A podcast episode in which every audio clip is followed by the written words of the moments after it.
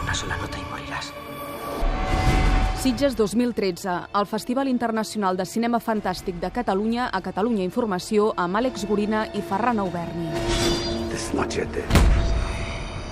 Dia 1. Ha arribat el gran dia, la gran cita del cinema a Catalunya, especialment pels amants del fantàstic. Cobrir Sitges és un esport de risc, sobretot si es vol parlar de tot el que s'hi presenta. Atenció perquè, tot i que aquest any s'ha reduït un dia de festival i que hi ha un 14% menys de pressupost, la programació inclou més de 300 títols, 28 dels quals a competició. Per tant, cal fer una bona tria. El naixement del mal és el leitmotiv dels pròxims 10 dies i és que el cartell homenatja un clàssic del terror, La llavor del diable, títol de Roman Polanski, que precisament celebra els 45 anys de l'estrena.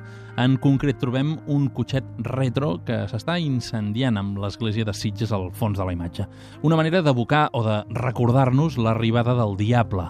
La inauguració oficial serà aquest vespre amb l'estrena de Gran Piano, un thriller protagonitzat per Elijah Wood, que de seguida ens comenta l'Àlex Gorina. Aquesta producció catalana, però, no entra a concurs. Sí que ho faran les noves propostes d'il·lustres com Eli Roth, Nicholas Winding Refn, Johnny To, Jim Jarmusch i Brillante Mendoza. N'anirem parlant, evidentment. La crítica. Gran Piano és una gran inauguració pel Festival de Sitges. Eugenio Mira, en col·laboració amb Rodrigo Cortés, el director de Bàrit, que ha fet de productor i guionista, han ofert una producció perfectament competitiva internacionalment i un homenatge al cinema de suspens, de tensió, al cinema fantàstic plenament coherent amb el que havien fet fins ara.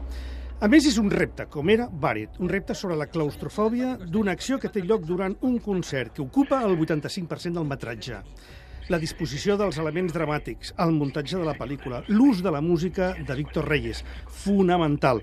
En fi, tot el que té a veure amb el timing i amb el control de l'espai i del temps són una meravella. És, per tant, un acte d'amor de gent que ha vist molt cinema, per exemple, l'home que en sabia massa d'Alfred Hitchcock, cosa evident. Potser falla una mica la humanitat i el perfil dels personatges, però és pecata minuta davant d'una maquinària tan ben engreixada com aquesta. L'agenda. Gran Piano inaugura el festival a tres quarts de vuit, però just després a l'auditori arribarà el moment d'un altre nom propi d'aquest any. La nova pel·lícula de Terry Gilliam. El director de 12 micos i el rei pescador portarà a Sitges The Zero Theorem, una extravagant i imaginativa proposta de ciència-ficció sobre el sentit de la vida protagonitzada per Christoph Waltz i Matt Damon. I acabem l'espai dedicat aquest primer dia amb una dada per reflexionar. De les gairebé 160 cintes que es veuran a les seccions oficials de Sitges, un 80% no tenen distribució comercial. Sitges 2013, un repàs del més destacat de la jornada a Catalunya Informació, també en podcast.